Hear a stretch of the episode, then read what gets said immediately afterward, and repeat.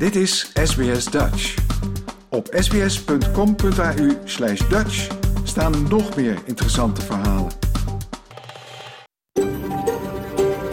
SBS, a world of difference.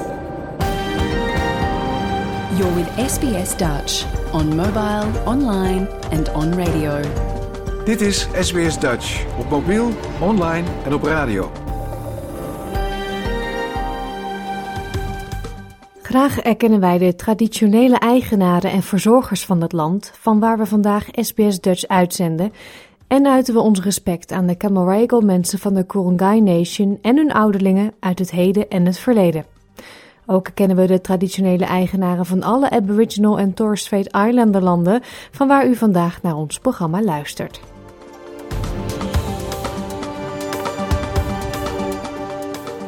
Goedemorgen, mijn naam is Pauline Roesink. Het is zaterdag 1 april 2023, geen geintje, en u luistert naar SBS Dutch, het Nederlandstalige radioprogramma van SBS. In deze uitzending een gesprek met Yveske van Gogh, die samen met haar Australische vriend eigenhandig een houten zeiljacht bouwt op Tasmanië. Verder een bijzonder inspirerend gesprek met backpacker Tjerk Slagman. Na een ongeluk met een crossmotor in de buurt van Esperance ruim anderhalf jaar geleden kreeg hij van artsen te horen dat hij nooit meer zou kunnen lopen. Maar niets blijkt gelukkig minder waar. Ook bellen we met Ash Doodkorter, de drummer van de band Voyager, die namens Australië mee gaat doen aan het Eurovisie Songfestival. Maar eerst Renske Jonge.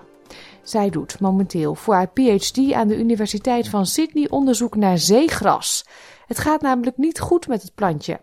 Gemiddeld verdwijnt er ieder half uur een oppervlakte van twee voetbalvelden. En dat is zorgelijk omdat zeegras een belangrijke leefomgeving en voedselbron is voor veel andere zeedieren.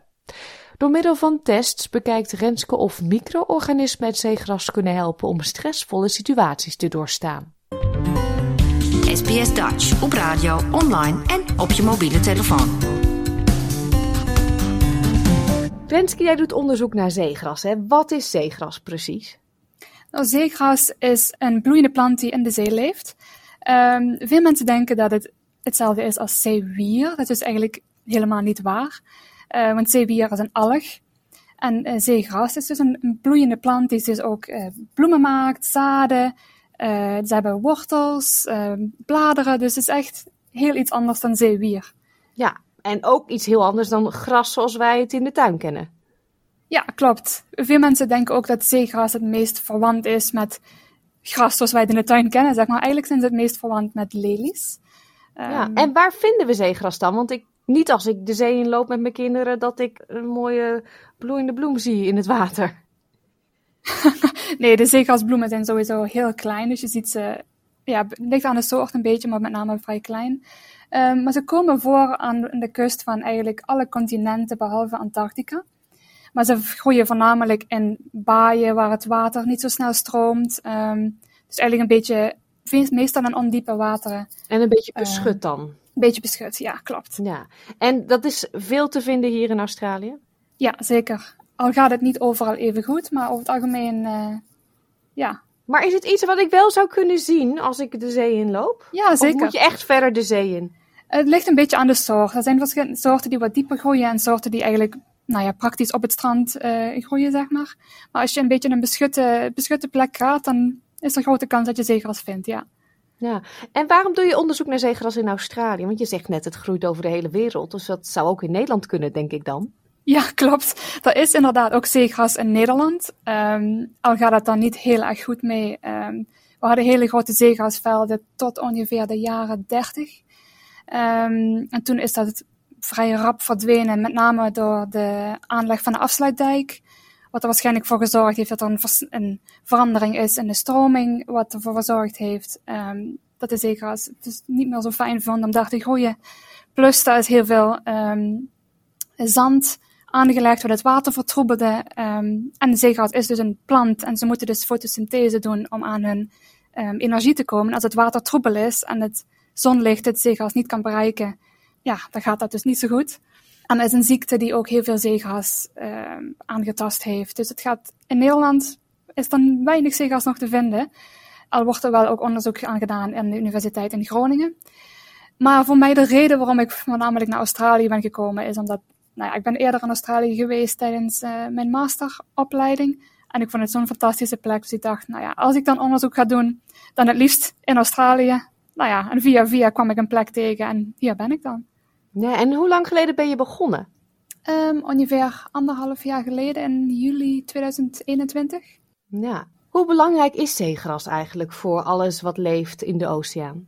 Ja, zeegras is hartstikke belangrijk. Het is een beetje de underdog van alle marine ecosystemen, denk ik. De meeste aandacht gaat voornamelijk naar koralen, uh, wat natuurlijk hartstikke belangrijk is. Maar zeegras speelt eigenlijk een cruciale schakel tussen koraalriffen en mangroves bijvoorbeeld. Um, want zeegras vertraagt het, het, water, dus er wordt heel veel uh, zand en sediment wordt dan als het ware gevangen door zeegras en het maakt het water helderder, wat heel belangrijk is voor koraal. Daarnaast is zeegras een hele mooie beschutte plek voor jonge vissen. Dus veel vissen die opgroeien, um, die groeien dus op in het zeegras um, en gaan later door naar het koraal. Uh, kan ik uh, Finding Nemo hier even bij aanhalen, of niet? Precies, ja. ja, inderdaad. De film van Disney, van het kleine visje, die groeit op tussen het, inderdaad, wat een beetje zeegrasachtig lijkt, volgens mij. Ja, klopt. Ja, en ze slaan ook heel veel koolstof op, dat is heel belangrijk voor het klimaat. Dus het is echt wel heel erg belangrijk. Um, maar het krijgt toch iets, het staat niet zo vaak in de spotlight, helaas. En je zei ook, het heeft uh, wortels. Kan ik het dan een beetje vergelijken met het gras wat op duinen groeit? Wat natuurlijk ook een belangrijke functie heeft om het zand bij elkaar te houden en de wind een beetje te temperen. Ja, precies. Dat is een mooie vergelijking inderdaad. Ja. ja. Ze maken eigenlijk hele dikke, een mat van wortels als het ware. Dat houdt het sediment helemaal vast. Dus ook met stormen en dergelijke, dan is de kust als het ware beschermd. Ja, en wat onderzoek jij nou precies? Nou ja, zoals ik eerder zei, het gaat niet overal even goed met zeegras. Het, eigenlijk, ja, het gaat vrij slecht. Gemiddeld gezien verdwijnt er ieder half uur ongeveer een oppervlakte ter grootte van twee voetbalvelden aan zeegras ergens ter wereld. Dus dat is behoorlijk wat. Um, ja, er zijn best wel wat pogingen gedaan om zeegras te herstellen of te behouden, maar het is niet altijd overal even succesvol. Ja, en voor terrestrische planten weten we, ik denk dat veel mensen wel weten dat de bodem heel erg belangrijk is uh, voor je planten. Dus als je in de tuin aan het werken bent, dan geef je de planten compost en je zorgt dat de structuur van de bodem goed is en dergelijke. Maar voor zeegras is er eigenlijk nooit aandacht aan de bodem besteed. Eigenlijk altijd gekeken naar wat gebeurt in het water, zoals de waterkwaliteit of uh, de hoeveelheid voedingsstoffen in het water en dat soort dingen. En ik heb voorheen gewerkt met, met terrestrische planten en vooral gewerkt aan de bodem. En toen viel mij dus op dat er inderdaad voor zeegaas, ook al is het een marine plant, dus met wortels en alles, dat er nooit naar gekeken is. Um, dus ik probeer eigenlijk te kijken hoe belangrijk is die bodem nou voor zeegras en zijn er bepaalde uh, bacteriën of schimmels in de bodem die de zeegras helpen groeien of juist uh, ziek maken en kunnen we die bacteriën of schimmels dan gebruiken als we zeegras willen herstellen. Ja, en uh, hoe onderzoek je dat? Ga jij uh, elke zoveel weken, maanden naar bepaalde plekken waar je het zeegras in de gaten houdt? Nee, ik doe dat met, met experimenten. Dus er zijn wel wat mensen geweest die dus um, monsters hebben genomen van de, van de bodem, gekeken hebben wat erin zit. Um, zo hoeveel nutriënten, welke bacteriën, welke beschimmels. En we zien inderdaad wel verschillen aan de hand van de leefomgeving. Bijvoorbeeld als het warmer is, dan verandert dat. Of als er watervervuiling is, dan verandert dat. Maar we weten dus niet of het ook echt een effect heeft op de, gezondheid van het zeegras. Dus ik doe experimenten waarbij ik de bodem dus verander. Dus of ik haal de bacteriën en schimmels weg of niet. Of ik doe hetzelfde met de wortels. Dus ik, ja, heel simpel gezegd, eigenlijk ik dip de wortels in betadine. Dus eigenlijk gewoon, ik steriliseer de wortels. En dan doe ik dat onder verschillende uh, omstandigheden en dan kijk ik wat het effect is daarvan op het zeegras. Mm-hmm. En uh, je bent al anderhalf jaar onderweg ongeveer. Zo bijna op de helft kunnen we zeggen. Uh, heb je al wat uh, opmerkelijke resultaten gevonden? Ja, ja, dus ik heb um, vorig jaar een experiment gedaan. Waarbij ik dus precies dat gedaan heb wat ik zojuist uitlegde. En dan het zeegras groeide onder verschillende temperaturen. Dus temperaturen die we nu zien en toekomstige temperaturen was, ja, die we waarschijnlijk gaan zien met klimaatverandering. En wat ik uh, heb gezien, dus als je de wortels van het zeegras steriliseert, dus je haalt alle micro-organismen die dan op die wortels groeien weg, dan doet het zeegras het altijd veel slechter dan als je dat intact houdt. En ook onder ehm, de meest warme omstandigheden. Dus ik had een, een, een behandeling waarbij ik dit zeegas groeide onder een temperatuur die 6 graden warmer is dan wat je nu ziet. Toen zag ik dat het zeegas het veel slechter deed. Maar interessant genoeg, alleen in die omstandigheden waarbij dus wel um, bacteriën en schimmels aanwezig waren. Dus waarschijnlijk dat dat iets verandert, dat er misschien meer ziektemakers um, die dat fijn vinden dat het lekker warm is en die dan beter doen. En ik ben nu nog bezig om te kijken welke bacteriën en schimmels dat precies zijn. Dus misschien heeft de warmte dan niet zoveel effect op uh, het zeegras zelf, maar al die, die schimmels en, en bacteriën die in de bodem zitten. Ja, maar die hebben dus vervolgens weer een effect op het zeegras. Ja. ja. Eh, wat zou een, een uitkomst kunnen zijn uh, op lange termijn? Dan moet ik denken aan dat we het zeegras moeten gaan bemesten of zo in de zee. Ja, ik noem iets heel geks misschien. Nou, dat is, niet, is geen gek idee. Dat inderdaad, dat zou, dat zou kunnen. Um, al zien we nu vaak dat, aangezien het zeegras vaak dicht bij de kust groeit, dat het water waarbij het zeegras groeit toch al vaak heel veel voedingsstoffen heeft. En dat mensen daar leven en er wordt vaak het riool wordt er, uh, gedumpt, als het ware. Dus het is denk ik meer een kwestie van het juist minder voedingsstoffen dan meer.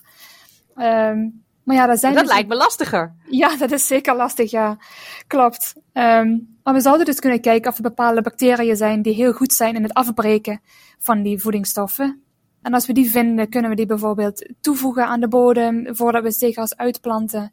Um, zoals we soms doen, nou ja, bij gewassen bijvoorbeeld, dan worden bepaalde schimmels toegevoegd die stikstof of uh, fosfaat voor de plant beschikbaar maken. Dus een beetje in die richting.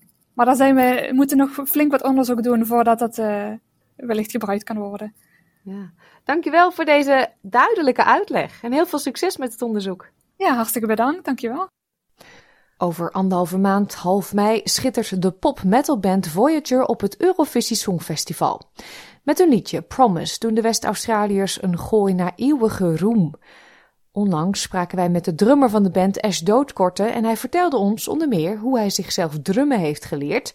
Ook legde hij uit waarom de band graag wil meedoen aan het Songfestival en hij bekende dat hij door zijn Nederlandse open oma dol is op advocaat.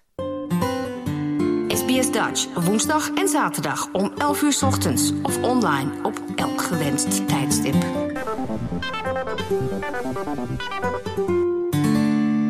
Ash, I read somewhere that you taught yourself how to play the drums. That's true, yes. How and when? How old were you? I was uh, I was 14 years old, um, and I can't explain it. Just for some reason, something snapped in my brain, and I decided I wanted to be a drummer.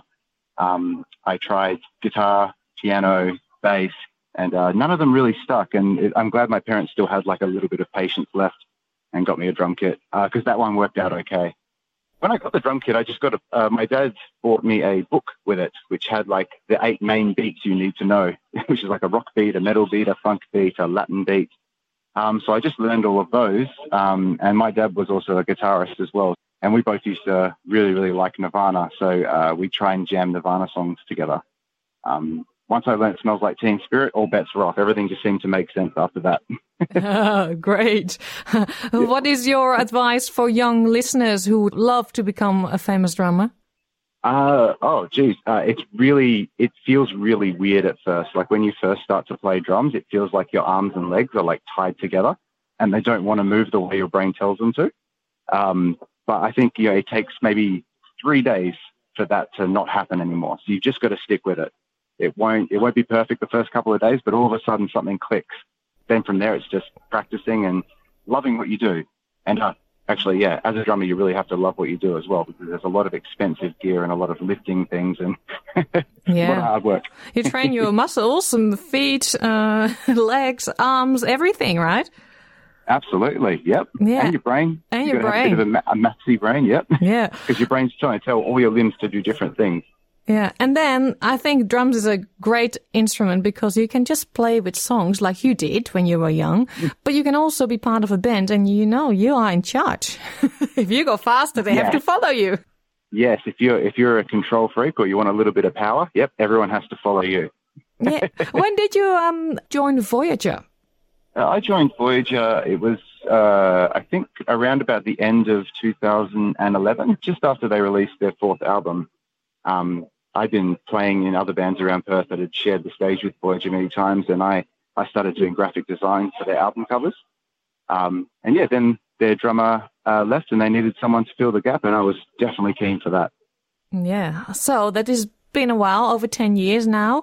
Um, Last year, you guys tried to get into Eurovision to, to be the representative for Australia. It didn't happen. You just became second.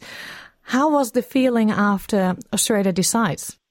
Oh, we were uh, we were elated. It was amazing. Um, a few people messaged me saying, "Oh, I'm so sorry you didn't make it." I'm like, "Oh, I'm having the best time. Like this is an amazing result. We got so much support from the public and had such a great time doing uh, TV, which is really different to what we usually do, which is you know playing stages at clubs and things like that. So yeah, we we were all stoked and yeah, we were really happy with how it turned out. Uh, little did we know it was going to lead to something even bigger like this.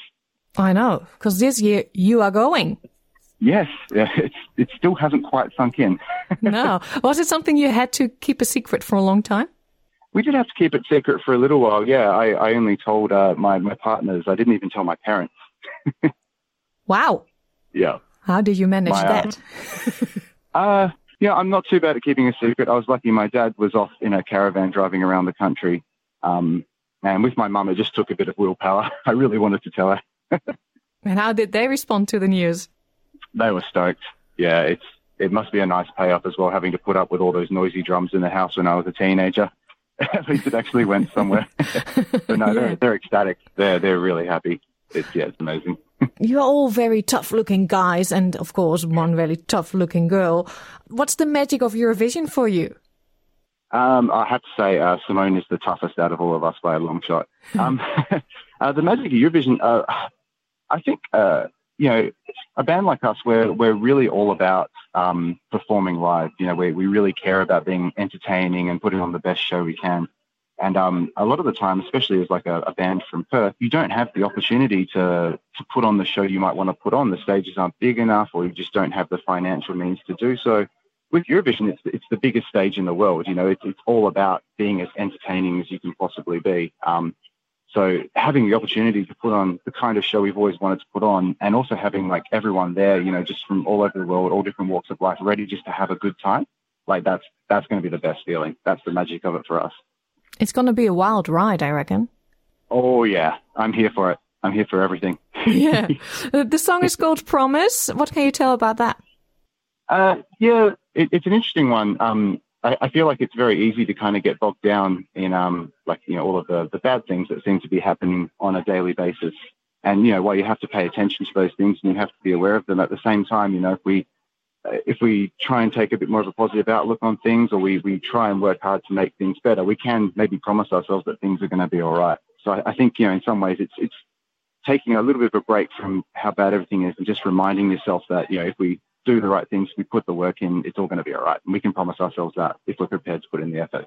Yeah, and in terms of the style of the song, I read your metal pop group. It's it's a bit of synthesizer, it's guitars. I heard one in the song. that one came as a surprise.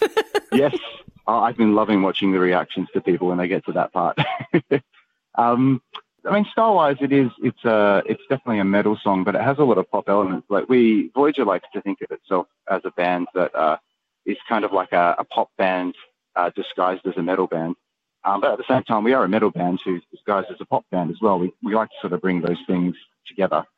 So it's definitely heavy, but uh, we don't ignore the fact that we want you to be able to dance to it and have a good time. yeah, I uh, watched the video clip and the scenery you're in. You're all playing. Wow, some great spots in WA. Isn't it beautiful? Kalbarri National Park, just to mention Yes. one. Yep, on Nanda Country. Yep, and uh, the Hutt Lagoon as well, also on Nanda Country. It's uh, it's a beautiful landscape we have here. Some parts are so alien, um, and just unlike anything you see anywhere else. It's it's a great place to live and visit. When will Eurovision be a success for you guys? I mean, we all hope you win, of course. I mean, oh, I can't say that because the Netherlands is also participating. oh, what did I do? but That's what okay. You're allowed. I won't. I won't tell anyone. Do you have a goal? Um, I mean, we, we obviously have the lofty goals of taking it all the way, but uh, you know, I, I think for all of us, just personally, like we we've already hit that goal. You know, like we wanted to get here. It's something we've been working at very hard, and we just wanted people to be able to see what we could do and just to hear our music. Um, and you know, sometimes it's hard to find that platform because there are so many bands out there, and there's there's so many things demanding your attention. So, yeah, every time we talk about it with each other, we just sit there and think we've we've already won. Like we, we've already done what we set out to do. So everything on top is a bonus. Um, but yeah, like uh, if I've got my game face on, definitely got to get through that semi final and get to the grand final. That's that's the goal. Yeah, just rock the stage and don't think about all the millions of people who are watching you. oh, I'm definitely going to be thinking about that. That's going to make me play even harder. yeah. So uh, one thing I have to touch base on with you is uh, your last name, Doodkorte. Um, yes. That tells us you've got some Dutch heritage. I do, yeah. My dad's side of the family uh, came to Australia uh, right at the end of the 50s. Yeah, and did you get a lot of the Dutch uh, language, food, etc.? Uh, I didn't get much language actually. Um, my my dad never really spoke much at all around the family. I know he understands it, but yeah, as a child, he never really spoke it around us. And I heard a little bit from my Oma and Opa, but uh, I was too young to really sort of understand, I guess, what they were they were saying. Um, but definitely picked up a lot of, particularly food and drink. Uh, there was always salted licorice in my house. There was always croquettes in the freezer there was uh, always roller mops uh, in my Opa's house. Um, and, uh, you know, there's always a bottle of avocado somewhere around as well. That's a demand of mine. Oh, this... Um, I remember that. this is really showing that it's grandparents' influence, like roll mops and advocaat. That is really oh, yeah. grandparent yeah. stuff. Yeah, that's great. But it was one of my demands. When I first moved out of home, I had to make sure there was a bottle of avocado there. That's amazing. Oh, I wish you all the best. I mean, I think the train has left the station and you had to jump on it and go for it. Absolutely. Yeah. Thank you so much for your time and good luck. Thank you so much. Can't wait to rock the stage. Bent u nieuwsgierig geworden naar het liedje van Voyager, Promise? Ga dan naar onze website www.sbs.com.au Dutch, want daar kunt u de videoclip bekijken.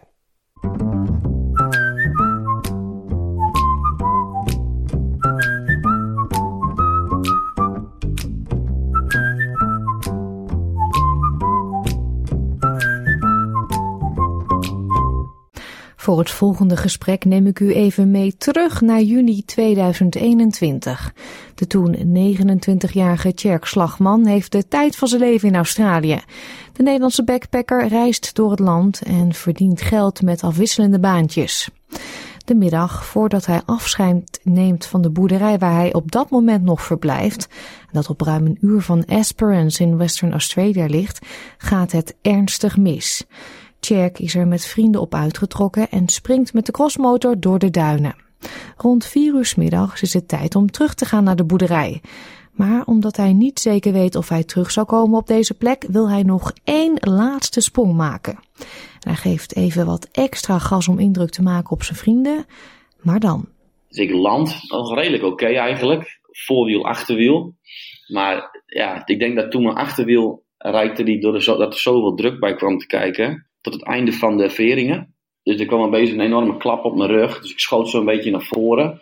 Eerst landde ik al met mijn, met mijn helm op het stuur. En toen voelde ik gewoon mijn rug al breken. Dus we kwamen met, uiteindelijk met een uh, six-wheel drive. Een of andere mini-tank uh, kwamen ze uiteindelijk na drie uren toch eindelijk dan die duinen op. Het was donker. Ik, uh, er waren al mensen van de, van de, die bij de boerderij werkten. Die, die werken ook vrijwillig bij St. John's. En die kwamen eerst al met heat blankets en allemaal van dat soort dingen. Maar die, die hadden geen drugs bij hun. Geen pijnstillers, dat mogen we niet geven. Dus uh, die probeerden me warm te houden. Maar ja, ik lag natuurlijk in natte kleren op een duin in een ondergaande zon. Met harde wind. Dus dat was, uh, dat was drama. Dus, ik had om vier uur mijn ongeluk en ik kwam om twaalf uur in het ziekenhuis aan. Wat moest ik wachten op de Royal Flying Doctors. Die vervolgens voor het opstijgen eerst ook nog allemaal andere onderzoeken wilden doen. En die vertelde mij toen voor het opstijgen al dat de situatie eigenlijk redelijk hopeloos eruit zag voor me onder mijn knieën. En tot aan mijn heupen, nou ja, voelde ik nog enigszins iets. En toen zei je gaat dus waarschijnlijk nooit meer kunnen lopen. Ja, een verschrikkelijke boodschap die hij helemaal alleen moest verwerken, omdat zijn ouders vanwege de COVID-19-pandemie geen toestemming kregen om naar WA te komen. In november 2021, toen Tjerk net uit het ziekenhuis ontslagen was, spraken we hem over zijn zware revalidatietraject. Daar hoorde u zojuist een fragment van. En toen al liet hij doktoren versteld staan, want op dat moment kon hij met behulp van krukken weer wat stapjes lopen. Het verhaal van Tjerk maakte op veel mensen indruk en dus vonden wij het hoogste tijd om nu, bijna anderhalf jaar later, weer eens contact met hem te zoeken om te horen hoe het nu met hem gaat. En echt, u zult versteld staan. Jouw gemeenschap, jouw gesprek, SBS Dutch. Het gaat hartstikke goed met mij. Ik zit nog steeds op mijn plekje in Perth. Nog steeds? Nog steeds. Ik ben inmiddels wel eventjes terug naar Nederland geweest. Zodra de grens open ging, ben ik twee maanden terug geweest. En toen weer hierheen en we revalideren rustig verder. Maar ho, jij zegt dus ik ben naar Nederland geweest. Dat is niet een vlucht van een paar minuten. Dan moet je in een behoorlijke goede conditie geweest zijn. Ik was toen nog op krukken en inmiddels zonder. Ja. Dat meen je niet. Ja. Uh, lang verhaal kort. Ik denk dat ik uh, ja, wel heel, heel, erg, heel erg mazzel heb gehad. Ja. En wilskracht. Ja, maar die heeft iedereen denk ik wel. Dat ja? begint allemaal met mazzel, denk ik. Ja. De dokters die tegen jou zeiden destijds: ja, sorry, uh, je bent verlamd, je kan waarschijnlijk nooit meer lopen. Ik neem aan dat je die uh, nog wel eens ziet. Ik heb ze allemaal uh, ja, de hand geschud. Inclusief de mensen die mij echt uit de duinen gehaald hebben. Ik ben nog terug geweest in Esperance.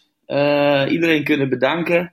En ja, iedereen zeg maar kunnen laten zien waar zij het voor doen. Want dit gebeurt eigenlijk nooit.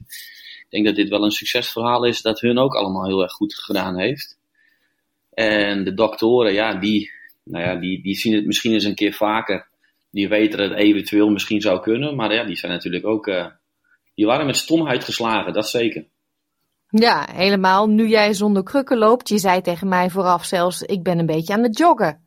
Ja, ik ben nu uh, net naast, uh, een uur na dit interview heb ik mijn volgende interview. Dat is voor de HBF Run for a Reason. Dat is een loop hier in mei. En dan ga ik een fundraiser organiseren, inderdaad, uh, voor Spinal Cord Injuries Australia. Ik ben van plan de 12 kilometer te rennen. Ik ben nu net begonnen met rennen. Noem het rennen. Het mag, het mag eigenlijk geen rennen heten, denk ik. Maar het is een soort van rennen. Dat wordt even flink aanpoten de komende maanden. En dan hoop ik dat wel te halen, ja. Ja, en wanneer gaat dat plaatsvinden dan? 21 mei. ja, dat, eh, dat is over drie maanden, iets meer dan drie maanden. Ja, ik heb net besloten vorige week in plaats van de halve marathon naar 12 toe te gaan. Het grote doel om dit voor mij af te sluiten was een halve marathon. Of eigenlijk een marathon, maar die, die komt dan later wel. Dat is nu gewoon nog niet haalbaar. Ik heb nu zo lang op de bank gezeten, naar de gym op de bank, naar de gym, chagrijnig tegen iedereen gedaan, maar ik altijd zo moe ben, dat heb ik er nu eventjes niet meer voor over. Dus ik ben een stapje naar beneden gegaan. Ja. Neem ons nog eens mee terug naar dat hele proces, want uh, de doktoren zeiden dat, dat, dat, ja, hou er rekening mee, je kan niet meer lopen. Toen zei jij al in het vorige interview, haha, dat zal ik ze wel eens even laten zien. Toen ging je al heel goed. Um, hè, kon je af en toe um, volgens mij kleine stapjes maken met de krukken? Ja, zeg maar, ja. Functioneel was het toen nog niks. Dat was, ik, ik heb met jullie gesproken toen ik net uit het ziekenhuis was. Ja. Dus toen deed ik alles in principe in de rolstoel. En in huis waren een heel klein huisje, wat heel handig was.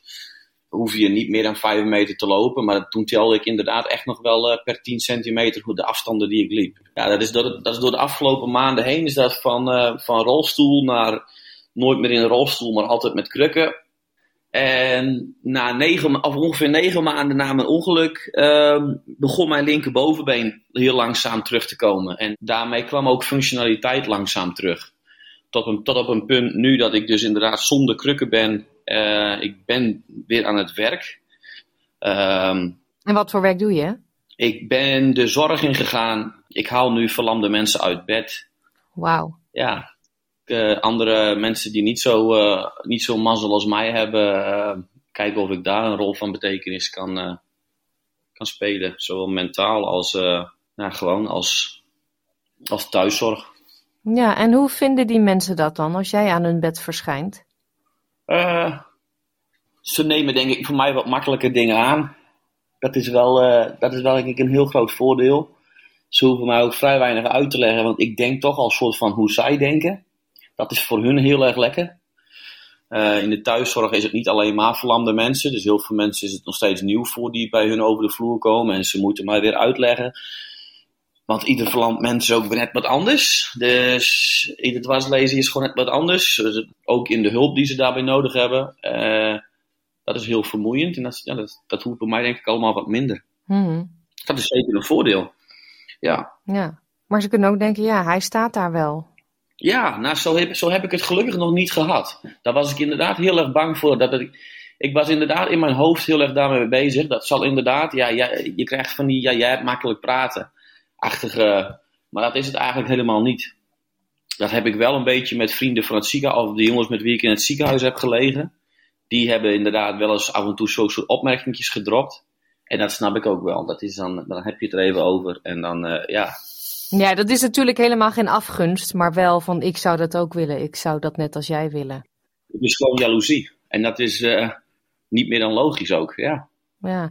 Um, dit ongeluk gebeurde toen jij hier als backpacker was. Nou hoor ik jou zeggen, ik ben hier nog steeds en ik werk in de zorg. Ja. Is dit je nieuwe thuis? Is het jou ook gelukt om hier voor lange termijn uh, te blijven? We zijn in afwachting van de, van de immigratiedienst al uh, nou, inmiddels al negen maanden geloof ik. Maar mijn vriendin die, eh, die, die start een sponsorship inderdaad. En daar sta ik dan ook bij op. Dus we zijn wel in het proces om hier te blijven, zeker, ja. Nou, wat vinden je ouders daarvan? Want ja, dit ongeluk gebeurde tijdens. COVID. Zij konden niet naar jou toe. Dat was natuurlijk dramatisch voor hen. Ja, nee, dat was daarom uh, toen de grenzen open gingen vorig jaar maart, april. Toen, ik was inderdaad toen in april meteen thuis. En dat was wel even heel erg nodig. Veel tijd met hun doorgebracht, zodat ze allemaal even konden zien hoe het ging. En want je zegt altijd wel dat het goed gaat, maar zij bellen altijd met mij door het tijdverschil. Wanneer ik al getraind heb en al wat chagrijniger of kortaf vaak ben. Gewoon vermoeidheid. Dus zij zien mij vaak op de bank liggen. En ik zeg wel dat, dat ik dingen doe, maar ze moeten dat toch met eigen ogen zien, denk ik. En uh, ja, ik zie ze volgende week weer. Ze komen volgende week hier. Dus uh, ik, daar heb ik heel veel zin in. En dat gaat een heel groot verschil zijn met vorig jaar april en nu. Ja, dat gaat een heel ja. groot verschil zijn weer ja. functioneel weer veel, veel beter. Wat ik zei, ik, ik, ben, ik ben in Nederland gestopt met krukken gebruiken. En ik ben gestart met fietsen. En in week 1 was mijn linkerbeen eigenlijk gewoon niet sterk genoeg om te fietsen. En na negen weken in Nederland, uh, toen haalde ik de eerste mensen al wel in je op de fiets. Het is toch wel, ongelooflijk uh, wat je kan met je lichaam, hè? Ja, ja. En dat was voor mij ook weer allemaal nieuwe vormen van training. Dat, uh, dat mijn, eigenlijk mijn herstel ook alweer ten goede kwam. Even bepaalde patronen doorbroken. Trainen is wel echt een sleur op een gegeven moment. Ja. En hoe zie je je toekomst? Word jij fysiek helemaal weer zoals het was? Of zal je wel um, een paar dingen voor lief moeten nemen? Dat dat niet meer hetzelfde wordt? Ja, natuurlijk. Ze zeggen uh, sowieso een dwarslezen heb je voor altijd. En dat denk ik wel. Uh, kijk, mijn blaas en mijn, uh, mijn poepen en plassen is niet zoals het zou moeten. Maar het is wel leefbaar. Uh, ja, kijk, je komt van een situatie dat veel, veel erger is. Dus dan maken dingen die misschien voor jullie heel veel uit zouden maken, voor mij niet zoveel meer uit. Ik heb veel minder beweging in mijn enkel. Uh, ik heb sowieso niet echt meer gevoel in mijn benen. Ik heb laatst al een keer te dicht bij het vuur gezeten. Dan heb ik mijn knie helemaal verbrand. Oh nee. Dat voel ik dan niet. Ja, uh, nou ja dat soort dingetjes. Maar ja, dat, ik heb mijn mobiliteit grotendeels, die ga ik denk ik wel grotendeels terugkrijgen, ja ik, heb het idee zelf nu, nu het allemaal wat uh, verder en wat meer uh, tot rust komt in mijn rug en zo ook. Dat hersteltijden voor mij zijn gewoon heel anders. Uh, komt dat omdat ik ouder word? Dat weet ik niet. Maar het is, dat heeft denk ik te maken met mijn dwarslezen. Ja, ik, van een wandelingetje. Ik, ik kan nu in ieder geval een wandeling doen van 5 kilometer. Maar ik ben vervolgens wel de rest van de dag ja, vrij weinig wacht. Ja, ja, ja. Maar uh, kan jij uh, auto rijden? Want je zegt ik heb geen gevoel meer in de benen. Um, ja, ik heb mijn, uh, mijn automatisch rij, rijbewijs, ik denk twee, drie maanden met jullie gebeld had gehaald. Dus dat, dat opende mijn wereld echt. Dat is zo'n groot verschil. Dat ik gewoon overal even heen kon. Want daarvoor was het continu op de bank liggen en dan maar de keuze maken van ga ik al die energie nu in in de rolstoel naar de taxi of uh, in, de, in de openbaar vervoer rijden of weet ik het allemaal wat. Alles is steeds een afweging. En als je je rijbewijs hebt, dan hoef je alleen maar druk te maken om hoe kom ik bij mijn auto. En als je zit, dan zit je. En ik heb nu sinds vorige week vrijdag uh, mijn normale rijbewijs teruggekregen. Wauw. Net voor mijn uh, ja, rijexamen gegaan weer. Ja, ik heb wel een goed idee waar mijn been, als ik mijn ogen dicht zou doen, zou doen. Heel veel mensen verliezen het besef waar hun benen zijn. Dat is bij mij nog wel uh, ja, redelijk goed. Wel echt minder dan het was, maar dat is wel ja, goed genoeg om te kunnen rijden in ieder geval, ja. Ik, ik zei je destijds al, je bent een inspiratie, maar uh, ja, zo'n einde, natuurlijk is dit niet het einde, maar zo'n update om dit te horen, dat is natuurlijk echt geweldig. Dat is gewoon kippenvel. Ja, dat is kicken, hè. Dat, uh, ja. Ik, ik besef het zelf, ja, ik werk dus in de, in de zorg nu en ik heb nog vrienden van het ziekenhuis die ik wel zie. En dat, die, ja, die houden me altijd wel bij de les van, eigenlijk zou dit niet zo moeten zijn. Maar gewoon ongelofelijke mazzel, ja. Mazzel en wilskracht. Die, die, die Friese doorzetters. Ja, als jij het zegt. Ik, ik wens je heel veel geluk en uh, dat je nog maar veel progressie maakt. Ook al is het nu al zo geweldig natuurlijk, met wat je al net zei, wat je geschetst werd, op naar de 12 kilometer. Ja, dat hoop ik. Dat gaan we doen. De 29-jarige Yveske van Gogh bouwt samen met haar partner Matt Morris in een grote schuur in Tasmanië eigenhandig hun houten zeiljacht. De bouw ging in 2019 van start en is nu net over de helft. Het doel is om met dit schip uiteindelijk de wereld over te varen. We belden met Yveske om te praten over haar liefde voor zeilen en houten boten. En we wilden graag weten hoe de twee geliefden samen dit langlopende project doorstaan. Dit is SBS Radio Dutch. Yveske, waar komt jouw fascinatie voor houten schepen vandaan? En dan ook nog in zo'n mate dat je denkt, ik ga er zelf in bouwen. Um, ja, dat is een goede vraag. ik ben begonnen met varen op tollships in Nederland vanaf mijn achttiende. En toen ik in die wereld van varen en zeilen terecht kwam, ja, dan ga je toch veel om je heen kijken naar andere boten en schepen en de, de levensstijl die daarbij hoort. En um, ja, toen begon er een soort van passie voor, voor houten schepen, de traditionele zeilschepen. Um, dus het is allemaal begonnen op een boot. Ja, de Europa? Ja, ik ben begonnen op de Wilde Zwan. Dat is een Fries uh, schip. En daarna heb ik op de Tekla gevaren. En uh, na de Tekla inderdaad op de Bark Europa. Ja, maar je, je komt al wel terecht op een schip. Daar kiest niet iedereen zomaar voor. Wat deed je op die schepen? Ik werkte als sociaal werker in Eindhoven. Had helemaal niks te maken met schepen. Of, en natuurlijk best wel ver weg van de zee. Maar mijn broer die vaarde op schepen, die ging naar de zeevaartschool in Rotterdam. En die kwam via via terecht op de Wilde Zwan op een zeilschip. En die vertelde me de grootste verhalen over hoe, hoe ontzettend leuk dat was. En uh, op een gegeven moment kreeg ik de kans om een reis mee te varen vanaf de Caribbean terug naar Nederland. Um, als bemanning. En uh, dan begeleid je studenten van, van middelbare scholen, die komen dan aan boord. Om op, aan boord op school te zijn, zeg maar. Um, en dat deed ik voor zes weken en ik kwam aan op de Azoren. En daar belde ik mijn ouders op en ik zei van nou, ik denk dat ik mijn baan moet opzeggen en mijn appartement moet opzeggen en mijn auto moet verkopen, want ik wil hier blijven. Dus toen uh, ben ik blijven hangen en heb ik wel een aantal cursussen gedaan. En dan vaar je inderdaad als matroos op een zeilschip. Ja, en je hebt ook de zeevaartschool gedaan in Enkhuizen. Uh, ja. Is het daar waar je met tegenkwam? Uh, met kwam ik tegen op de Europa. Dus daar wij, wij werkten samen. En um, daarna ben ik inderdaad naar Enkhuizen gegaan, de zeevaartschool. Voor een officiersopleiding daar. Dus ik heb daar de tweejarige opleiding gedaan. En Matt die heeft uiteindelijk daar ook op school gezeten. Ja, Matt is van Tessie.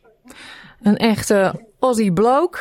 Um, jullie vonden elkaar in de liefde voor schepen. Um, en hadden allebei dezelfde droom. En wat was die droom? Uh, bijna dezelfde droom. Um, de droom was een eigen boot. Dus die kwam inderdaad heel erg overeen. Die, mijn droom was het varende leven waar je zelf kan bepalen waar je heen gaat. Ik had toen ik tegen die tijd zoveel gevaren um, op het soort van op het programma van anderen met gasten waar je zelf niet zo goed kan kiezen waar je heen gaat en hoe lang je ergens blijft. En ik wilde zo graag gewoon mijn eigen plan trekken op mijn eigen boot. En Matty wilde heel graag, van kind af aan heeft hij heel, heel, een droom gehad om zelf een boot te bouwen. Dus we hebben die droom uiteindelijk kunnen combineren. En de afspraak was, laten we onze eigen boot bouwen en dan uh, daarna gaan we varen. Ja, laten bouwen, dat uh, is er niet van gekomen. Want jullie zijn van Nederland verhuisd naar Tasmanië om daar jullie eigen boot te bouwen. Precies. Ja, de, we, waren, we hebben wel wat rondgekeken in Nederland, want we hebben natuurlijk in Nederland fantastische tradities en de, de kennis die is in overvloed in onze zeevarende gemeenschap. Um, maar wij kwamen een beetje uit op het feit dat er in Nederland natuurlijk wat minder, minder ruimte is. En tegen die tijd had Matt een jaar of vier bij mij gewoond in Rotterdam. En voor hem werd de, de stad toch wat te druk, eh, de drukte in Nederland. En um, hij verlangde weer heel erg terug naar zijn thuisland en, en de bush hier in Tasmanië. Dus we zijn hier gaan kijken in 2017 of we hier zouden kunnen bouwen. En uiteindelijk zijn we in 2019 verhuisd. En hebben we hier een schuur gevonden waar we een plek konden huren. En zijn we maar gewoon begonnen met bouwen. Maar gewoon begonnen. En, en wat wordt het? De mensen die luisteren, kan je omschrijven wat jullie aan het bouwen zijn? Ja, we zijn een zeilschip aan het bouwen. Een houten zeilschip um, van ongeveer 12 meter. Dus toch best een, een medium groot jacht. Um, we bouwen uit hout, omdat we ons daar het meest comfortabel bij voelden. En we bouwen een zeilschip met één mast. Groot genoeg om op te wonen. Sterk genoeg om soort van de hele wereld mee over te varen. En nog steeds een traditioneel ontwerpschip, omdat we daar toch, omdat ons hart daar toch bij ligt. Ja, en is dat dan jullie eigen ontwerp? Um, nee, we hebben het ontwerp gekocht. We hebben ontzettend gezocht naar. Het is waarschijnlijk een beetje hetzelfde als je eigen huis bouwen. Je, je, ja, je weegt van allerlei dingen tegen elkaar af. En we zijn uitgekomen bij een ontwerp van een Canadese architect. Paul Gardside heet hij. En het is een ontwerp gebaseerd op de traditionele Britse pilot cutters. Alleen dan iets meer veranderd naar een soort van jacht. Waar we dus ook op kunnen wonen met iets meer ruimte en iets meer comfort. Ja, 2019 begonnen, zei je. Hè? Dus jullie zijn al even onderweg. Hoe ver zijn jullie ermee? Um, ja, we zijn inderdaad al even onderweg. We zijn, uh, ik denk, hopelijk iets over de helft. Als je bij ons de schuur binnen zou lopen, dan loop je in een oude apple box making shed. Dus hier in Tasmanië natuurlijk alles rondom de appels. Dus een oude houten schuur.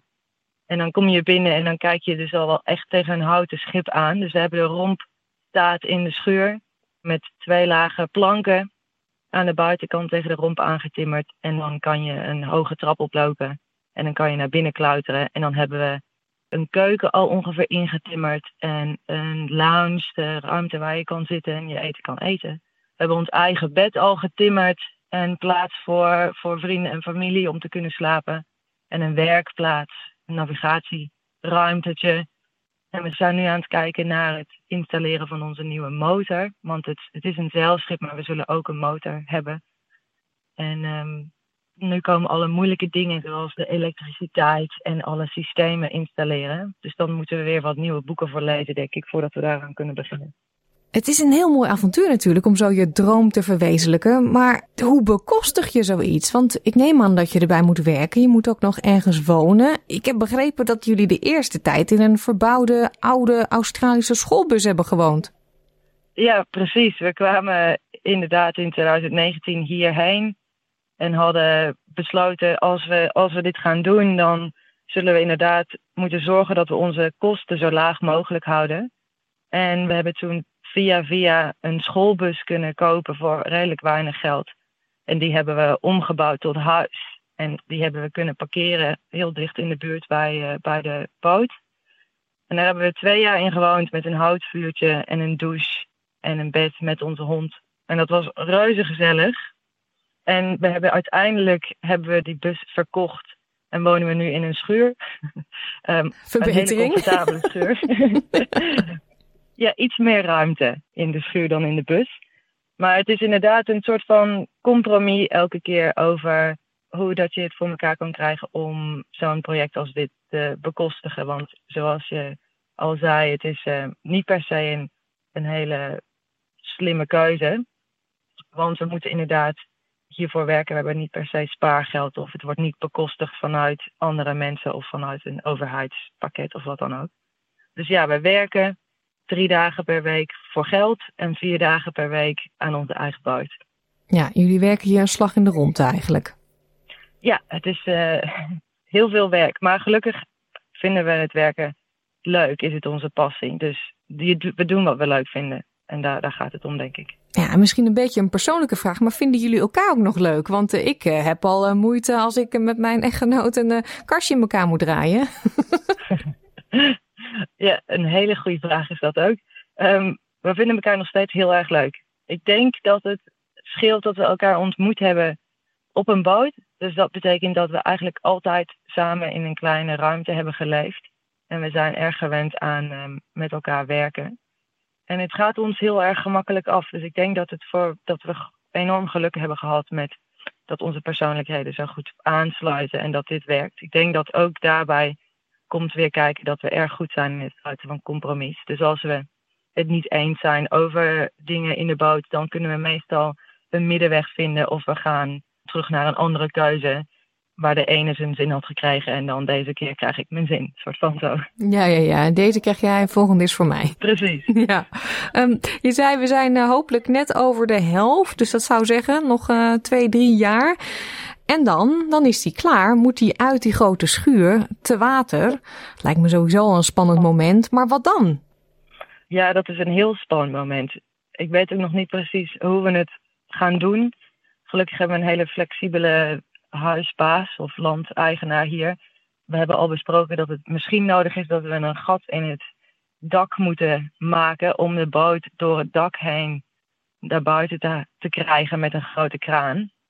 Um, omdat hij niet door de deur past. Oh jee. Maar, en dan inderdaad op een vrachtwagen en dan naar het water. En dan wordt het enorm spannend als je het schip dan daadwerkelijk ter water laat. En um, ja, we hebben gelukkig veel mensen om ons heen hier die ervaring hebben met dit soort dingen, met grote projecten. En ook wel veel gesproken met, met andere mensen die hun eigen boot gebouwd hebben. En we krijgen voornamelijk de tip dat het een enorme soort van decompressiemoment is waar je je schip ter water gaat en je hebt jarenlang in een routine gewerkt met één doel. En als het dan in het water ligt, dan val je een soort van in een moment waar je niet meer zo goed weet wat je met jezelf aan moet. Dus we zijn daar, ons daarop voorbereid. Dat we waarschijnlijk het even rustig aan moeten doen. Even ademhalen als we eenmaal in het water ligt.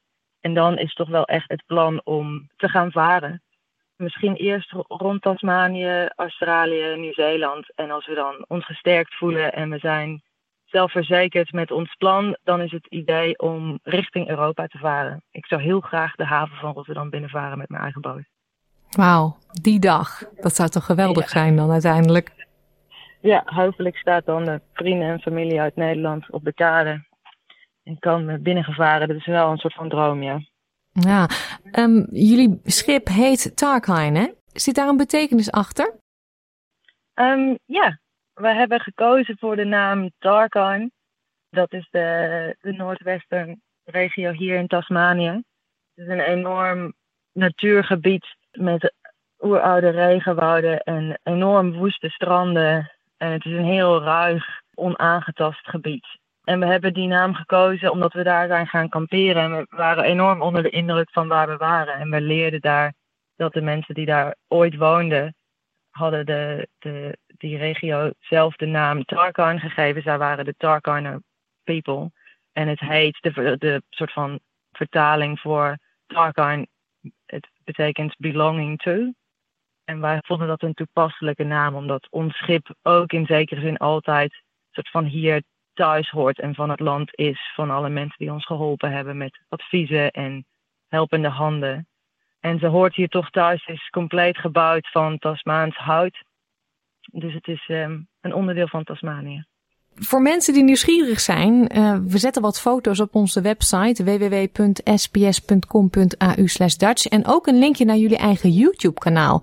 Dan kunnen mensen ook jullie uh, live in actie zien en de ontwikkelingen volgen. Dat zou hartstikke leuk zijn. Ja, je kan ons inderdaad volgen op YouTube. We proberen elke twee weken een, filmpje te publiceren. Het was in eerste instantie voornamelijk voor mijn opa en oma. in Nederland. Die uh, waren zo nieuwsgierig en die, wilden ik graag op de hoogte houden. En het is toch een beetje uitgegroeid naar iets um, wat, wat blijkbaar andere mensen ook leuk vinden om te kijken. Um, dus ja, je ziet in die filmpjes ons aan onze boot werken. En um, we vertellen wat dingen en we proberen wat dingetjes uit te leggen. Maar we zijn ook ons erg bewust van, van het feit dat wij um, toch wel echt amateur bootbuilders zijn. Dus we, je kan met ons meegaan op onze ontdekkingsreis van hoe, hoe, hoe moet het nou verder en wat zijn we eigenlijk aan het doen. Ja, ik uh, wens jullie heel veel succes nog. Uh, laten we het positief bekijken. De helft is uh, achter de rug. Nog even doorbikkelen. En ik blijf jullie volgen, want ik wil natuurlijk heel graag uiteindelijk bij dat moment zijn als hij te water gaat, Tarkine. Ja, dat zou toch fantastisch zijn.